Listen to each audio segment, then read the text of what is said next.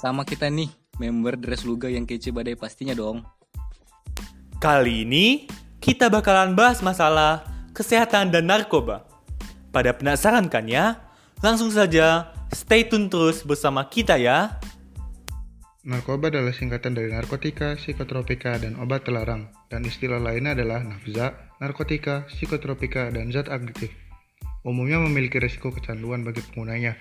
Oke guys, kita lihat sejarah narkoba yuk. Di mana nama morfin sendiri diambil dari nama dewa Yunani yaitu Marpius yang berarti dewa mimpi. Morfin diperkenalkan sebagai pengganti opium yang merupakan candu mentah. Oke teman-teman, itu tadi sejarah singkat dari narkoba ya. Kita lanjut ke penyebaran narkoba di Indonesia. Morfin diperkenalkan sebagai pengganti opium yang merupakan candu mentah. Itu membuat Indonesia menjadi pasar terbesar narkoba golongan pertama, seperti amfetamin dan sabu-sabu di ASEAN. Jadi, yang lebih mengerikannya lagi nih ya teman-teman, remaja seumuran kita ini nih yang sering jadi target utama mereka. Untuk itu, kita harus waspada dan kita juga harus tahu jenis-jenis narkobanya itu seperti apa. Jadi, sekarang kita lanjut ke jenis-jenis narkoba ya. Check it out.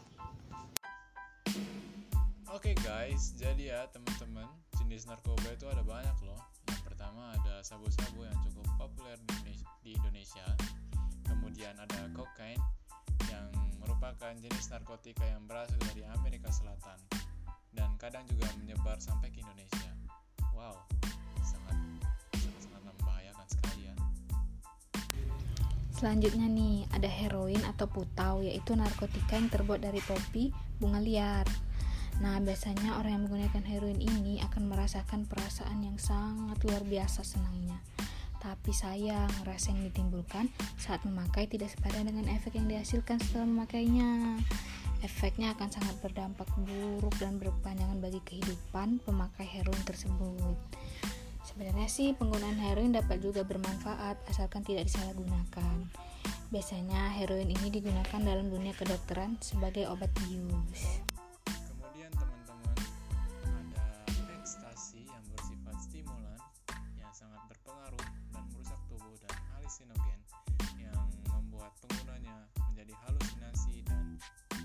Seperti orang yang kehilangan akal. Dan ini ekstasi ini sangat-sangatlah merusak tubuh. Lalu kemudian ada ganja. Ganja terbuat dari tanaman cannabis sativa. Lalu kemudian ganja ini adalah narkoba golongan pertama. Asam nisergat dietilamida merupakan jenis bahan kimia baru yang bersifat halusinogen yang diperoleh dari jamur yang tumbuh pada tanaman gadung hitam. Bahan kimia atau obat ini berbentuk seperti kertas seukuran dengan perangko dan memiliki varian warna serta gambar. Biasanya, LSD lekat dengan istilah psychedelic. LSD yang merupakan singkatan dari lisergat dietilamida terbuat dari asam pada jamur yang tumbuh pada biji-bijian dan tanaman gandum. Oke teman-teman, jenis narkoba yang selanjutnya yaitu morfin. Morfin merupakan salah satu jenis narkoba yang bersifat energetik. Sesuai dengan sifatnya, morfin mampu meredakan nyeri atau rasa sakit pada tubuh. Yang selanjutnya adalah flaka. Flaka merupakan salah satu jenis narkotika baru dan belum terlalu marak di Indonesia. Namun efeknya bisa mencapai 10 kali lipat dari kokain. Efek yang sangat kuat dapat membuat pemakainya seolah merasa bukan manusia atau yang biasa kita kenal dengan hilang rasionalitas. Nah, sekarang amfetamin. Secara farmakologi, amfetamin masuk dalam kategori psikotropika. Hanya saja disalahgunakan oleh pihak-pihak yang tidak bertanggung jawab sebagai stimulan yang mampu memberi rangsangan kepada otak. Mereka bertujuan untuk mengubah suasana hati, meningkatkan mood, dan membangkitkan euforia. Hal ini tak lepas dari meningkatnya produksi dopamin di otak. Yang terakhir ada kodein nih guys. Kodein merupakan bagian dari obat-obatan opioid. Mengutip dari Australian Alcohol and Drug Foundation, kodein dapat memunculkan rasa kepuasan, kesenangan, dan relaksasi hingga meredakan nyeri pada tubuh. Sekarang kita udah tahu kan tentang jenis-jenis narkoba. Next, kita akan bahas mengenai efek penggunaan narkoba bagi pengguna. Nah, efek dari penyalahgunaan narkoba itu sangat-sangatlah ngeri ya teman-teman. Yang pertama ada kehilangan keseimbangan tubuh, halusinasi atau perubahan kesadaran, yang kemudian ada mengakibatkan susah tidur, lalu dehidrasi, bahkan yang paling terparah adalah kematian. Menurut pengamatan, ya teman-teman, seseorang yang menggunakan narkoba itu berasal dari seorang yang punya rasa tahu yang sangat tinggi dan menderita gangguan mental. Selain itu, faktor teman dan lingkungan ekonomi lingkungan dan ekonomi mengalami kekerasan fisik, emosi, atau seksual dan masalah keluarga atau yang disebut dengan broken home. Nah, selain itu ya teman-teman, bahaya narkoba bagi tubuh orang yang mengkonsumsinya yaitu mengganggu fungsi kerja otak dan tubuh, ketergantungan, lalu perubahan sel saraf otak, bingung, dan hilang ingatan, halusinasi, penyakit jantung, dehidrasi, kejang-kejang, hingga menyebabkan kematian loh. Wah, ngeri juga ya teman-teman. Jadi, sekedar info nih buat kalian semua. Rasa senang itu dipengaruhi karena meningkatnya produksi dopamin di otak. Dopamin sendiri merupakan zat alami dalam tubuh yang dapat memberikan rasa senang. Tidak hanya rasa senang, fungsi dari dopamin mulai dari pergerakan perilaku kognitif, konsentrasi, dan kemampuan belajar.